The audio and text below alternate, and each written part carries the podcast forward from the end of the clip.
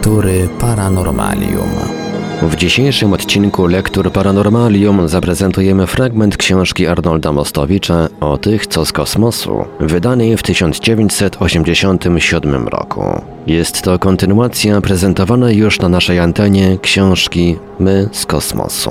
Wydaną w dwóch tomach książkę o tych, co z kosmosu prezentujemy na naszej antenie w odcinkach w całości. Zapraszamy do słuchania.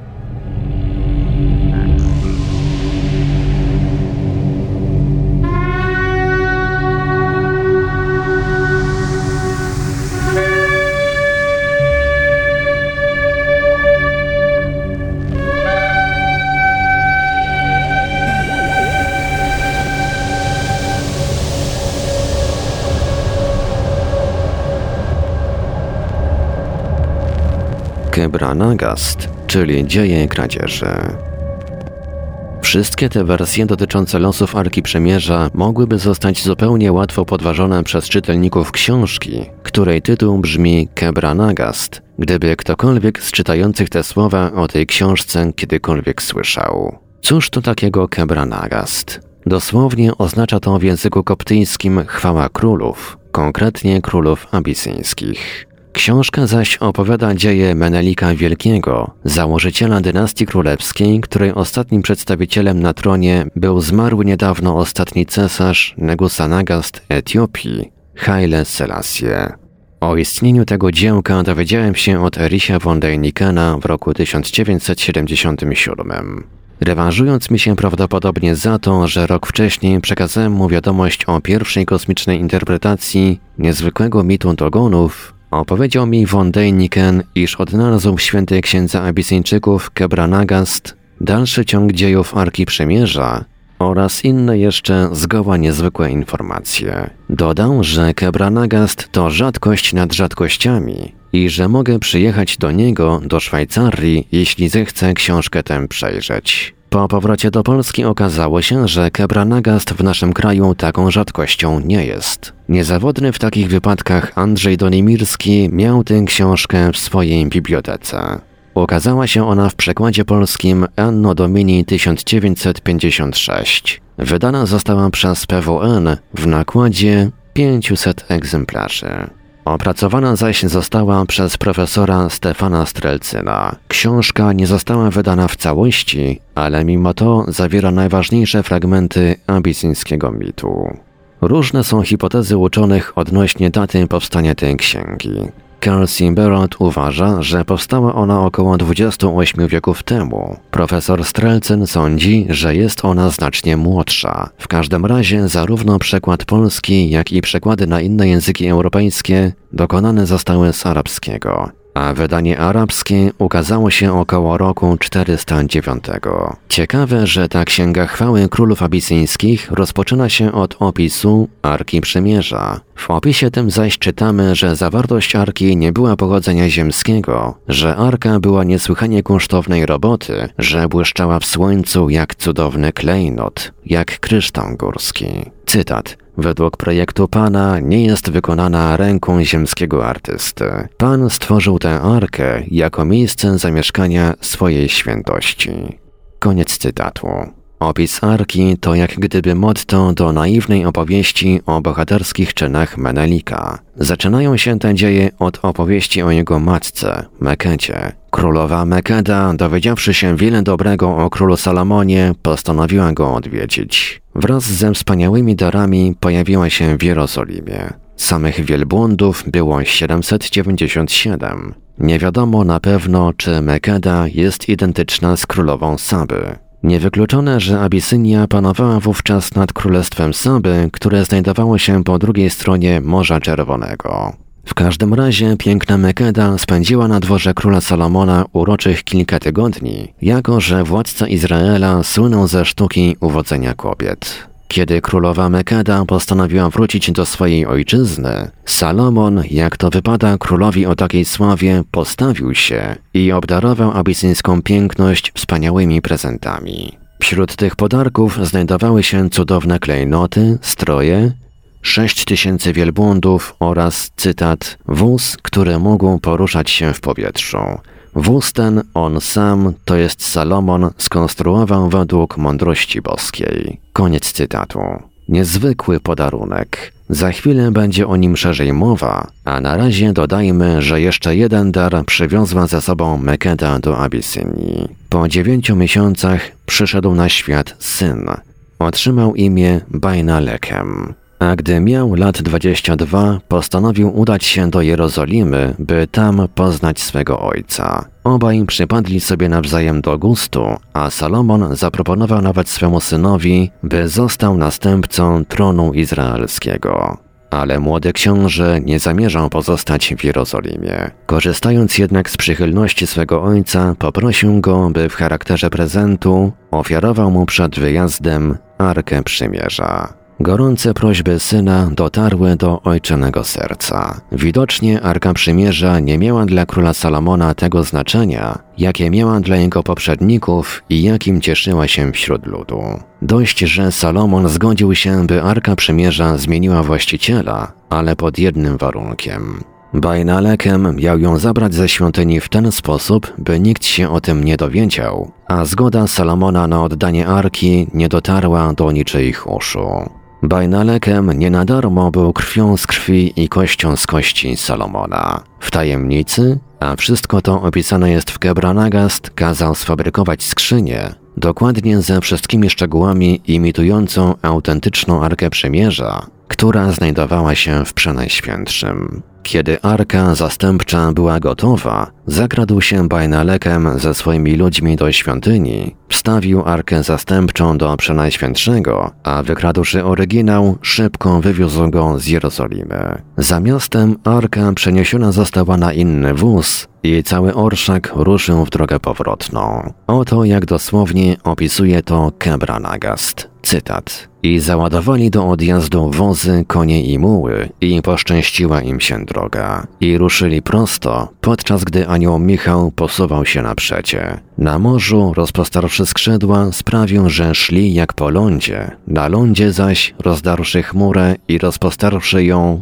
chronił ich od żaru słońca. I nie było nikogo, kto by ciągnął ich wozy, lecz on sam, to jest Archanioł Michał, je ciągnął, podczas gdy unosili się na jeden łokieć od ziemi zarówno ludzie, jak i konie, zarówno muły, jak i wielbłądy. I wszyscy jeźdźcy unosili się ponad ich grzbietami, to jest nad grzbietami zwierząt o ludzką pięć, ale i wszelki sprzęt ich, który był załadowany, unosił się wraz z tymi, którzy go załadowali o ludzką pięć ponad ziemię, i zwierzęta unosiły się o ludzką pięć. Wszystko pędziło na wozie jak okręt na morzu, który ponosi wiatr i jak nietoperz w powietrzu, gdy pożądanie jego ciała pcha go do pożarcia swoich towarzyszy i jak orzeł, gdy lekko unosi się na wietrze. Tak pędzili oni na wozie, nie zbaczając ani naprzód, ani w tył, ani w prawo, ani w lewo. Koniec cytatu. Kiedy kapłani odkryli podstęp i stwierdzili, że w świątyni znajduje się arka fałszywa, powiadomili o tym króla. A król, czy to dlatego, że mu się żal zrobiło ukradzionej relikwii, czy też dlatego, że ukryć chciał swój udział w całej tej historii, dość, że zarządził natychmiastowy pościg za złoczyńcami, to jest za swoją pociechą i jego orszakiem. Ale wobec tego, że synalek rozporządzał pojazdem, który fruwał, jasną jest rzeczą, że nie było mowy, by go pościg dogonił. Młody książę uciekał oczywiście przez Egipt, a gdy ludzie Salomona pytali Egipcjan o uciekinierów, usłyszeli, że ci, cytat, dawno już się tu przeprawiali, podczas gdy fruwali na wozie jak aniołowie i byli szybsi od orłów na niebie. Koniec cytatu z Kebranagast. Na dowód tego pokazywali Egipcjanie połamane szczyty obelisków i posągi bogów obalone przez lecący wóz. Kebranagast tak jeszcze opisuje przeprawę Etiopczyków przez Egipt. Cytat. I unosiły się kozy jak poprzednio i wyruszyli o świcie i podnoszeni zostali wszyscy na wysokość łokcia. Gdy żegnali ich mieszkańcy Egiptu, Przechodzili przed nimi jak cienie i uczcili ich mieszkańcy Egiptu, bowiem widzieli arkę przelatującą jak słońce na niebie, a oni wszyscy przelatywali na wozie, lecąc przed nią i za nią. A gdy się jego morza fale wspinały i jak góry unosiły się ich wozy ponad fale o trzy łokcie i przy dźwięku ich pieśni cudowne było falowanie morza. Koniec cytatu. Ze świętej księgi etiopskiej dowiadujemy się ponadto, że król Salomon musiał zrezygnować z pościgu Nois Arki. Natomiast swoim kapłanom nakazał, aby nikomu o tym wydarzeniu nie opowiadali. Co, jeśli jest prawdą, wskazuje, że biedny Jeremiasz niepotrzebnie się trudził i nie autentyczną arkę schował w jaskini, lecz fałszywą. Kiedy zaś Bajnalekem stanął ze swoją zdobyczą na ziemi etiopskiej, oddał arce jak niegdyś jego dziad, król Dawid, hołd tańcem radości. Królowa zaś Mekeda, dumna z wyczynu swego syna, mianowała go następcą tronu pod imieniem króla Menelika. A gdy tańczył wokół, Arka płonęła jak słońce. Droga Arki z Jerozolimy do Etiopii zakończyła się w północno-abisyńskim mieście Aksum, które wówczas było stolicą kraju. No i to byłoby właściwie wszystko, chyba że dodać do tego wiadomość z czasów starożytnych, którą podała współczesna gazeta. Otóż Neue Zürcher Zeitung, najpoważniejsza i najnudniejsza gazeta w Europie Zachodniej, podała 24 października 1970 roku, co następuje. Cytat. Menelik I, syn królowej Mekedy i króla Salomona, miał przed trzema tysiącami lat porwać świętą Arkę Przymierza z Jerozolimy i sprowadzić ją do Aksum, gdzie się ma rzekomo znajdować po dziś dzień, pod ochroną kapłanów tamtejszej katedry świętej Marii. Z posiadaniem na swoim terenie tej świętości wiąże się rolę Aksum jako religijnego ośrodka chrześcijaństwa koptyjskiego. Koniec cytatu. No i co dalej? Nic. Nadal istnieją trzy możliwości. Tyle, że trzeba je inaczej sformułować. Po pierwsze, maszyna wraz z arką mogły zostać zniszczone podczas różnych perypetii wojennych. Po drugie, arka znajduje się gdzieś w jakiejś jaskini niedaleko Jerozolimy. Po trzecie, arka znajduje się w Aksum. Oto co powiada na ten temat jeden ze współautorów książki George Sassoon. Cytat. Uważam za rzecz nieprawdopodobną, by maszyna uległa zniszczeniu. Zresztą nie byłoby to takie proste. Była przecież na pewno zbudowana z bardzo trwałych materiałów. A oprócz tego, każdy, kto by do takiego zniszczenia przyłożył rękę, ryzykowałby życiem. W reaktorze znajdowały się przecież ciągle materiały radioaktywne. Takie wypadki znane są z Biblii. Ale poza tym był to z pewnością obiekt rzucający się w oczy i każdy, kto wszedłby w jego posiadanie, bądź to umieściłby go w jakiejś świątyni, albo tak by go ukrył, że wkrótce by o maszynie zapomniano. Nie tracę więc nadziei, że obiekt ciągle jeszcze istnieje i że ludzkość pokusi się, by Arkę Przemierza i maszynę odszukać. Koniec cytatu. Zgodnie z przypuszczeniami autorów książki, reaktor jądrowy zasilający maszynę w energię oparty był na plutonie. Okres połowicznego rozpadu plutonu wynosi 24 360 lat. Należy więc sądzić, że dzisiaj, po 33 zaledwie wiekach, niemała ilość tego pierwiastka znajduje się jeszcze w reaktorze. O ile oczywiście założenia Sasuna i Dale'a są słuszne. Czyli inaczej mówiąc, gdyby maszyna była gdzieś schowana, można by podjąć próbę, by ją odszukać. O ile oczywiście wiedziano by, w jakich to mniej więcej terenach należy jej szukać. Autorzy angielscy w zakończeniu swojej książki podsumowują wszystkie hipotezy dotyczące maszyny, zastanawiając się, jakie korzyści mogłoby przynieść ludzkości odnalezienie podobnego obiektu. Däniken, który jak zwykle dość pochopnie szafuje różnymi hipotezami czy propozycjami, uważa, że dla odszukania maszyny wystarczy licznik Geigera umieszczony na helikopterze. Licznik, helikopter oraz częste przejażdżki tam i z powrotem nad okolicami, gdzie maszyna mogłaby być ukryta. Sassoon i Dale dalecy są od podobnego optymizmu. Uważają oni, że odnalezienie ukrytej maszyny, arki, nie byłoby wcale takie proste. Proponują natomiast, by użyć do tego celu magnetometrów protonowych dla zarejestrowania zmian w polu magnetycznym Ziemi. Ale są to oczywiście plany na bardzo daleką przyszłość, ze względu chociażby na sytuację polityczną rejonu, a właściwie rejonów, gdzie nadzieje na odszukanie maszyny miałyby jakąś szansę spełnienia się. A gdyby się odnalazła?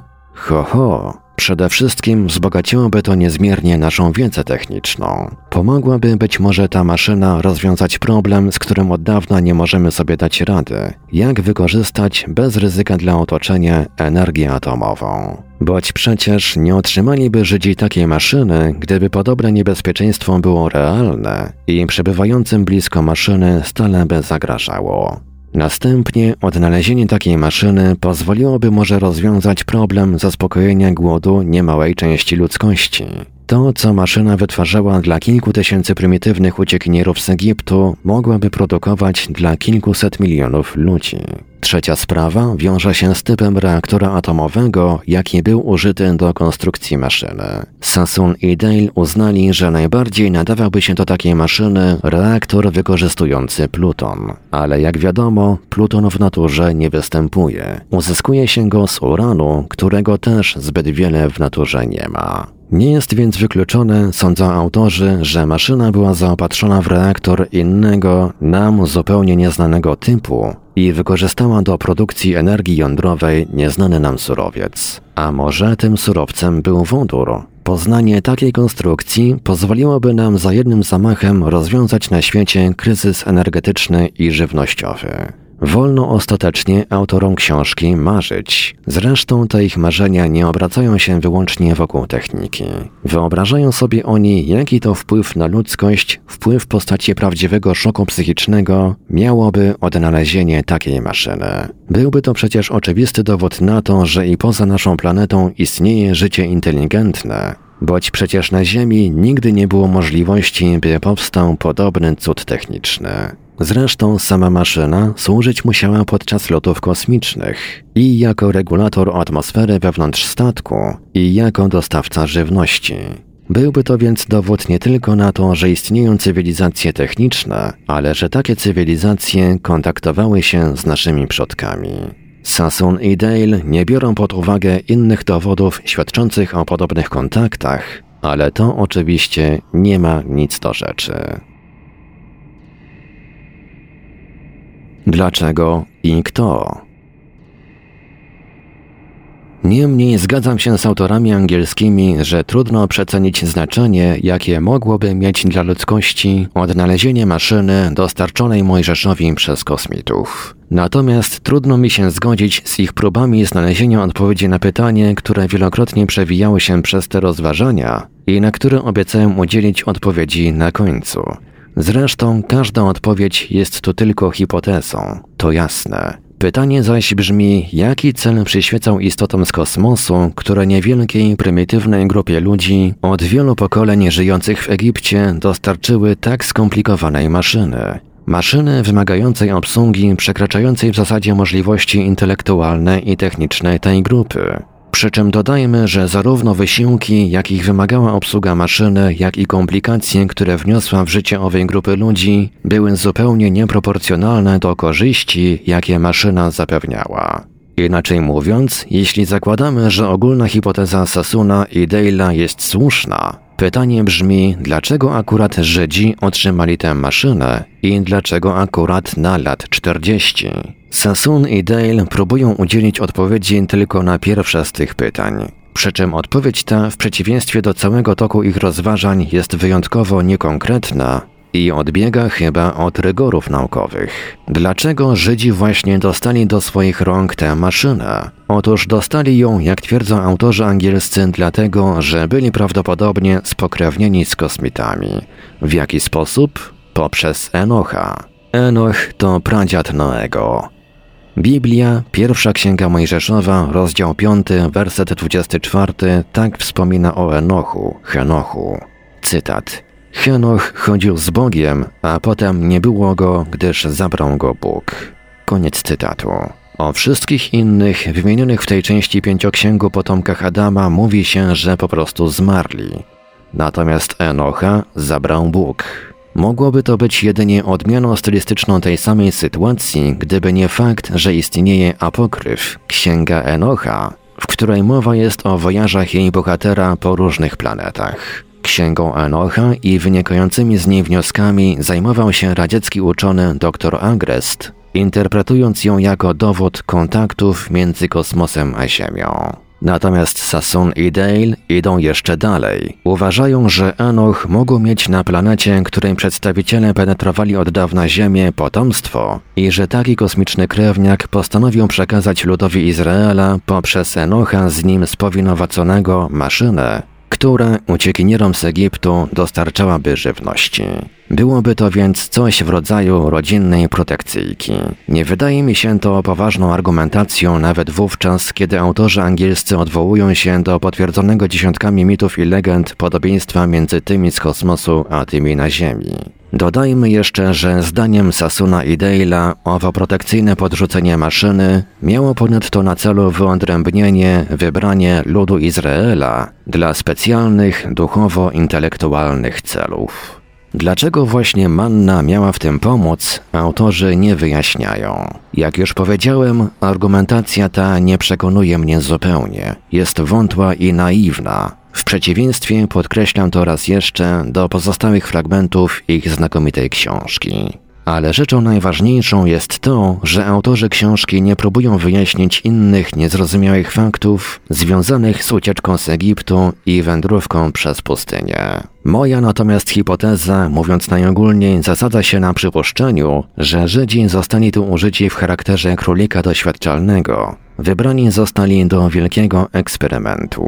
Sądzę bowiem, że bliższe hipotetycznej prawdy jest założenie, iż podobna maszyna wytwarzająca produkt żywnościowy wcale do tego czasu nie była podczas lotów kosmicznych używana. Stanowiła niejako wynalazek zupełnie świeży, wynikający być może z faktu, że z chlorellą i jej niezwykłymi z punktu widzenia podróży przez kosmos własnościami nieznani przedstawiciele pozaziemskiej cywilizacji zetknęli się na naszej planecie w tym właśnie czasie. Nie można przecież wykluczyć, iż ten rodzaj zielonych alg był produktem ewolucji naszej tylko ziemskiej przyrody. Nic więc dziwnego, że kiedy zrozumiano, jak wielkie usługi oddać może w produkcji wysokokalorycznego środka odżywczego, postanowiono rzecz całą wypróbować, konstruując odpowiednią maszynę i przekazując ją Mojżeszowi jako odpowiedzialnemu za cały eksperyment. A gdyby okazało się, że maszyna i chlorella zdają egzamin, można by wypróbowany produkt bez ryzyka zastosować podczas dłuższych lotów kosmicznych.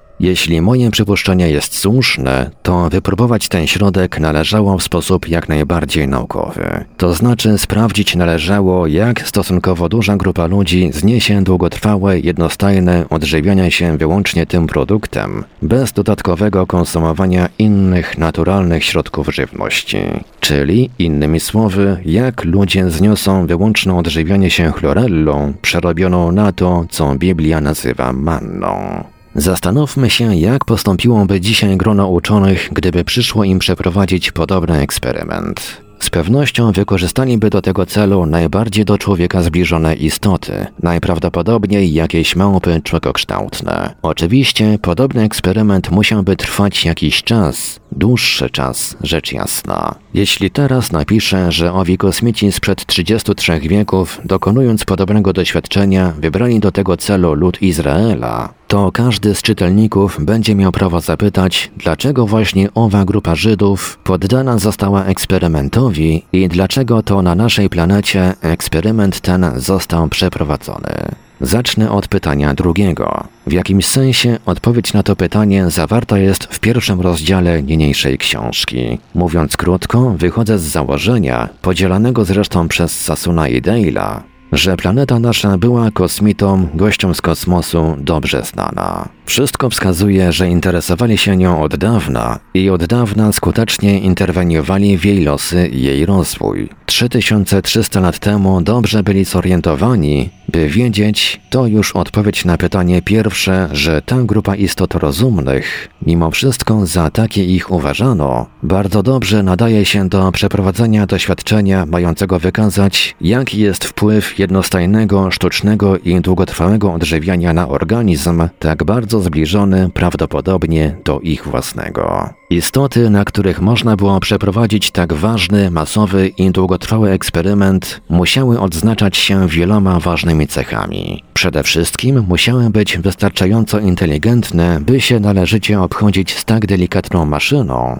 no i niektóre z nich powinny być wdrożone do manipulowania pewnymi prostymi mechanizmami, którą to umiejętność zapewniała przynależność do warstwy kapłanów egipskich, Mojżesz. Następnie istoty te powinny charakteryzować się pewną czystością rasową, by różnice zachodzące między poszczególnymi jednostkami nie wypaczyły doświadczenia. I dzisiaj biologowie postępują tak samo, gdy do pewnych doświadczeń wybierają myszy, szczury czy świnki morskie tego samego szczepu i miotu. Tymi wszystkimi zaletami odznaczali się Żydzi.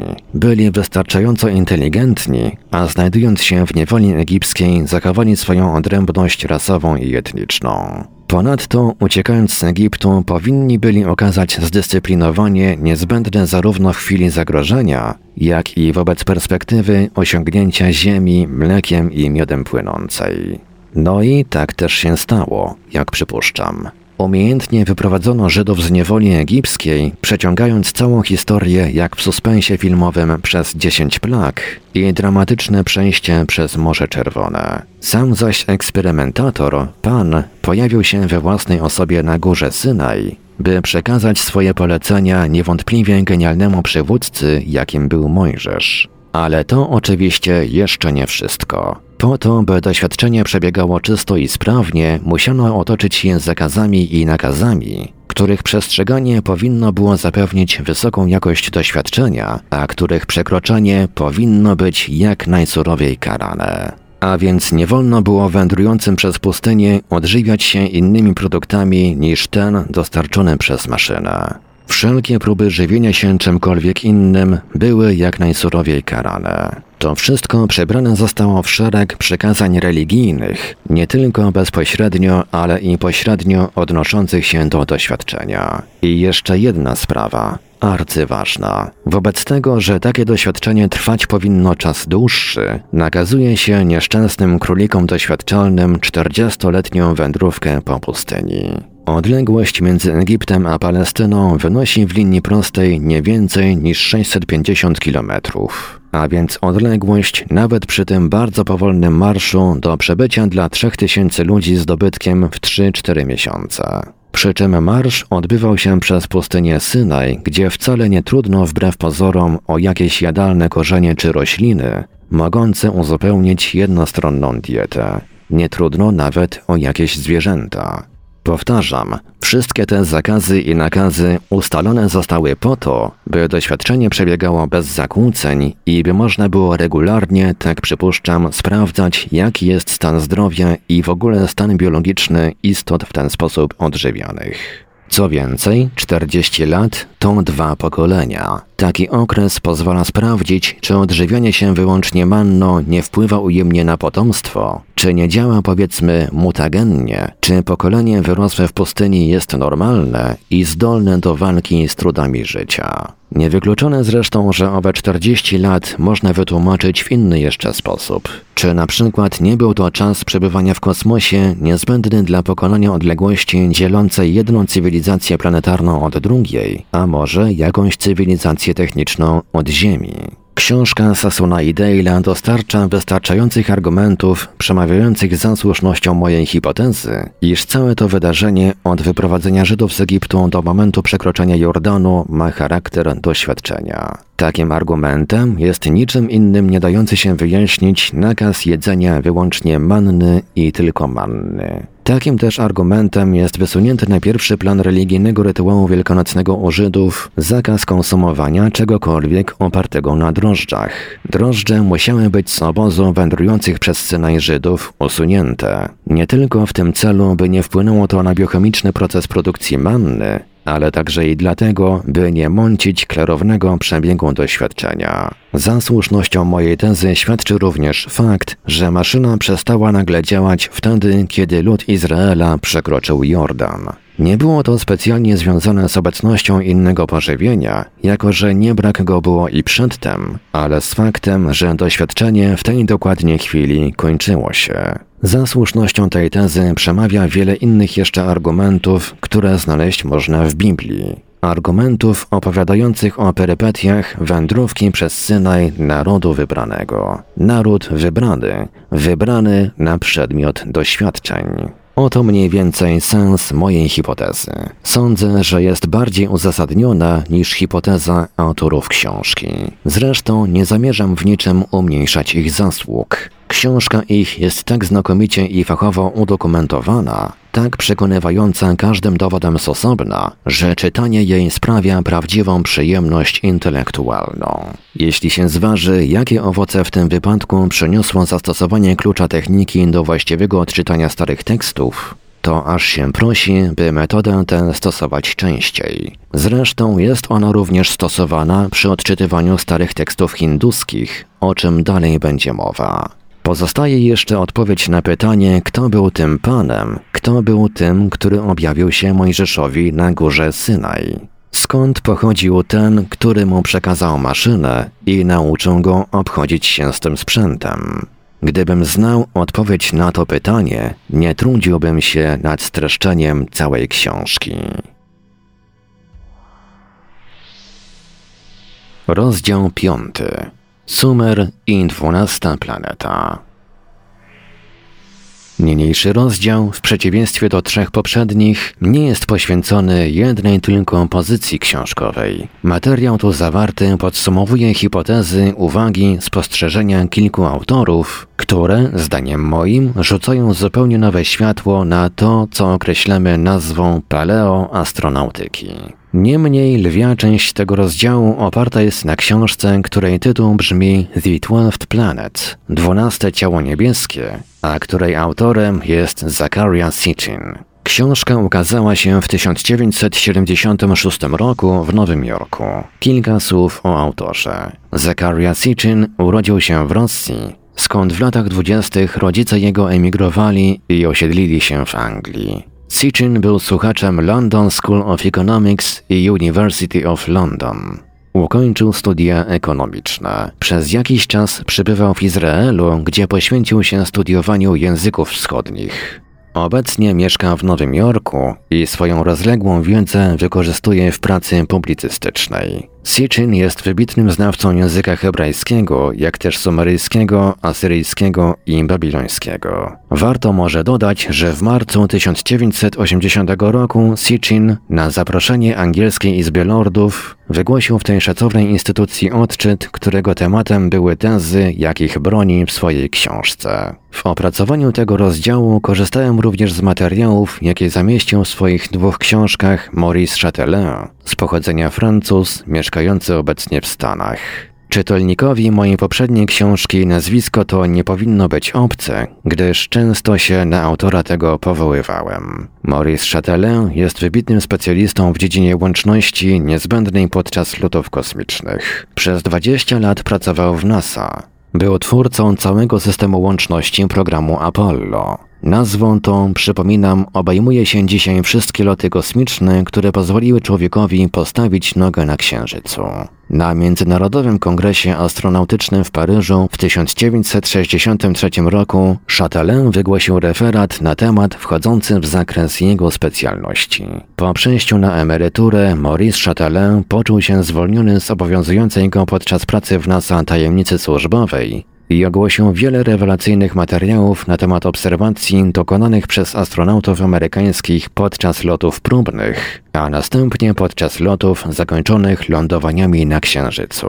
Od roku 1975 wydał trzy niezwykle ciekawe książki. W niniejszym rozdziale korzystałem przede wszystkim z dwóch. Nasi przodkowie przybyli z kosmosu, ogłoszonej w 1975 roku, oraz Czas i Przestrzeń, ogłoszonej w 1979 roku.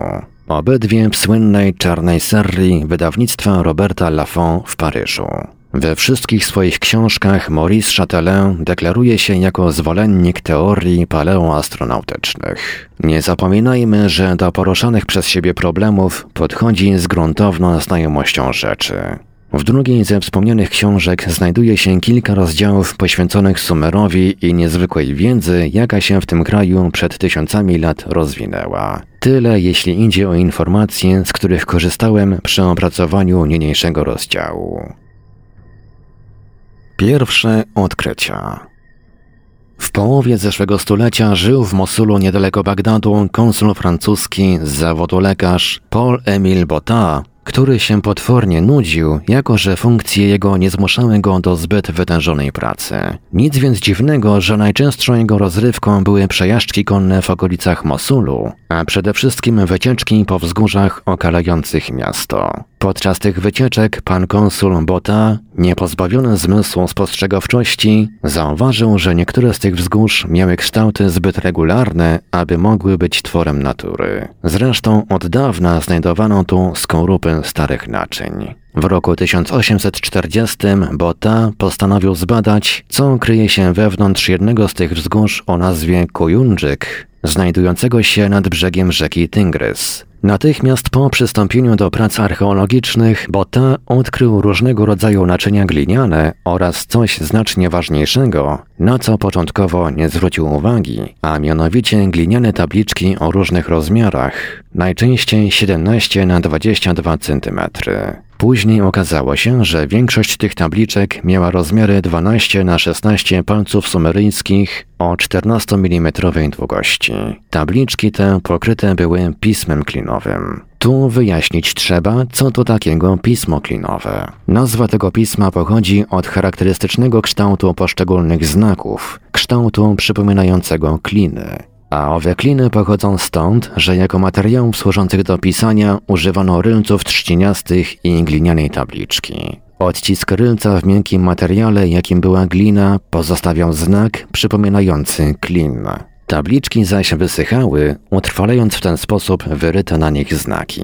Pismo klinowe wynalezione zostało przez Sumerów, a najstarsze jego zapetki pochodzą sprzed 6000 lat. Czytano to pismo od strony lewej ku prawej. Sumeryjski system pisma klinowego przejęły inne ludy Azji Zachodniej. Najpierw około 4,5 tysiąca lat temu Akadowie, a później w połowie drugiego tysiąclecia przed naszą erą Asyryjczycy i Babilończycy. Dodać trzeba, że pismo klinowe było pismem nie literowym, lecz sylabowym. Pierwsze tabliczki z pismem klinowym odkryto jeszcze w XV wieku w mieście Persepolis, dawnej stolicy Dariusza. W 1621 roku badacz Pietro della Valle sprowadził pierwsze tabliczki klinowe do Europy. Na szczęście nikt ich wówczas nie potrafił odczytać. Powiadam na szczęście, bowiem gdyby znaleźli się wówczas specjaliści, którzy by pismo to odczytali, spotkałby prawdopodobnie tabliczki klinowe taki sam los, jaki spotkał zabytki piśmiennictwa inkaskiego, zniszczone dokładnie przez Kościół a treść tabliczek klinowych mogła okazać się znacznie niebezpieczniejsza niż treść zabytków piśmiennictwa południowoamerykańskiego. Zawartość tych tabliczek wskazywała mianowicie, że cała na przykład historia o potopie, niezależnie od tego, czy taki potop rzeczywiście miał miejsce czy nie, jaką przekazuje nam Biblia, została zaczerpnięta z eposu sumeryjskiego, którego bohaterem był Gilgamesz. Zresztą nie tylko ten fragment Biblii zapożyczony został z mitów sumeryjskich, o czym będzie jeszcze mowa. Poza tym już z pierwszych odnalezionych tabliczek wynikało, iż Sumerowie wiedzieli, że to Ziemia obraca się dookoła Słońca, a nie odwrotnie. Zagłoszenie podobnej herezji Giordano Bruno został w 1600 roku spalony wyrokiem inkwizycji na stosie, a kilkadziesiąt lat później Galileusz tylko fuksem uniknął podobnego losu. Ale wróćmy do konsula Boty. Dokonanym przez siebie odkryciom nie przepisał początkowo specjalnej wartości. Na szczęście spotkał w Mosulu młodego Anglika nazwiskiem Layard, z którym zaprzyjaźnił się. Layard z miejsca okazał dużo większe niż Botta zainteresowanie znaleziskami w Kojundżyku, do których wrócił po swojej podróży do Istambułu.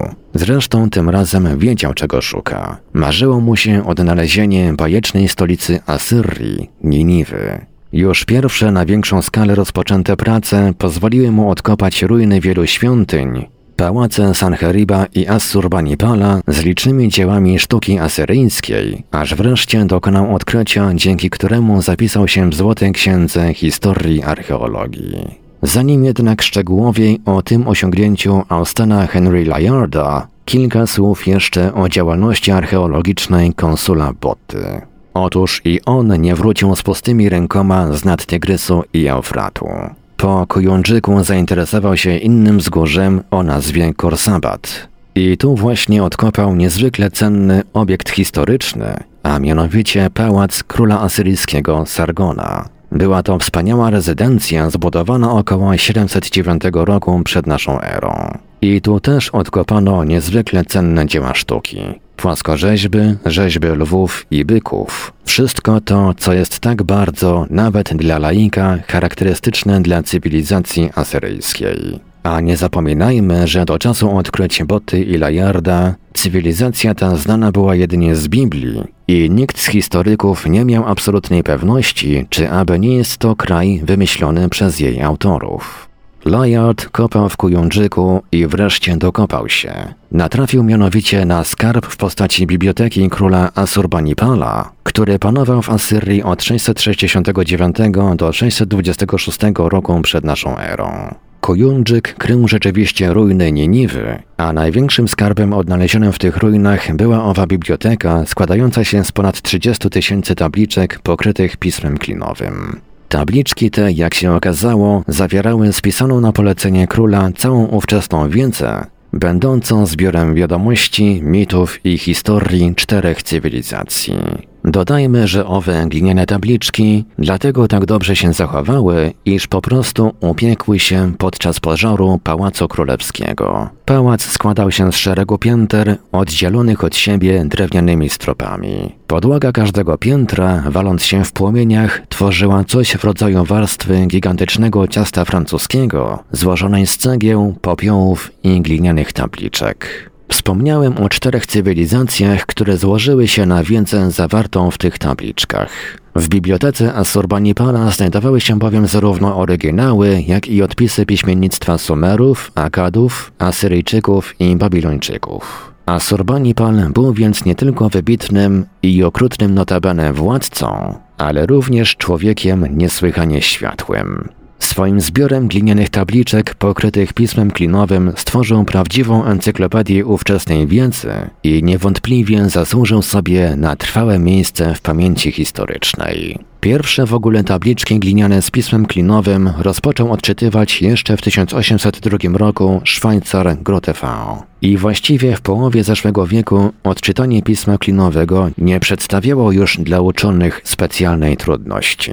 Lecz w tym czasie, kiedy Layard odkopał bibliotekę Asurbanipala w Nieniwie, nie było w Mosulu nikogo, kto potrafiłby odnalezione tabliczki odczytać. Odesłano je przeto do British Museum, a tam przeleżały sobie spokojnie dwadzieścia blisko lat. O tabliczkach glinianych walających się gdzieś po piwnicach muzeum przypomniano sobie przypadkowo, a wtedy do systematycznego ich tłumaczenia zabrał się młody człowiek nazwiskiem Smith, który pracę swoją zakończył gdzieś w roku 1872. 30 tysięcy tabliczek odkrytych w Nieniwie, a następnie dalszych 30 tysięcy odkrytych w miejscowości Nippur pozwoliło uczonym zrekonstruować dzieje państw i dzieje ludów, o których jeszcze kilkadziesiąt lat wcześniej uczeni wiedzieli nie o wiele więcej niż znaleźć można było w Biblii. Sumerowie, a o nich będzie w tym rozdziale przede wszystkim mowa, stworzyli około 5,5 do 6 tysięcy lat temu na terenie Mezopotamii jedną z najstarszych na świecie i jak się okazało bardzo rozwiniętą cywilizację. Jeśli idzie o powstanie tej cywilizacji, to i dzisiaj uczeni niewiele potrafią na ten temat powiedzieć. Powstała ona jak gdyby nagle, z niczego.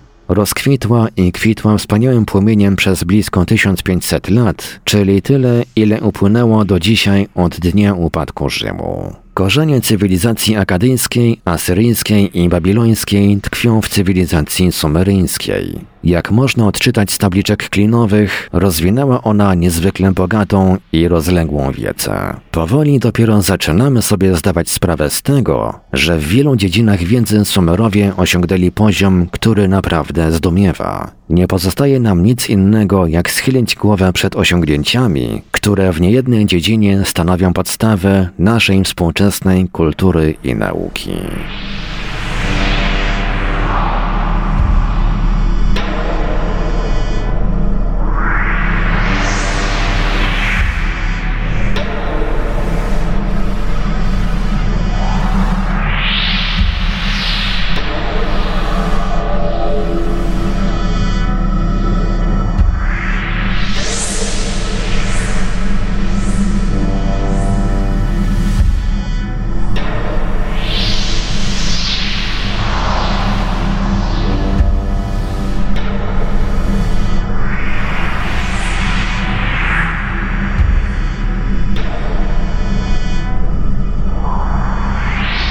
Radiu Paranormalium zaprezentowaliśmy fragment książki Arnolda Mostowicza o tych, co z kosmosu. Dalszy ciąg w następnym odcinku Lektur Paranormalium. Archiwalne odcinki Lektur Paranormalium znajdziesz do pobrania w archiwum naszego radia na stronie www.paranormalium.pl.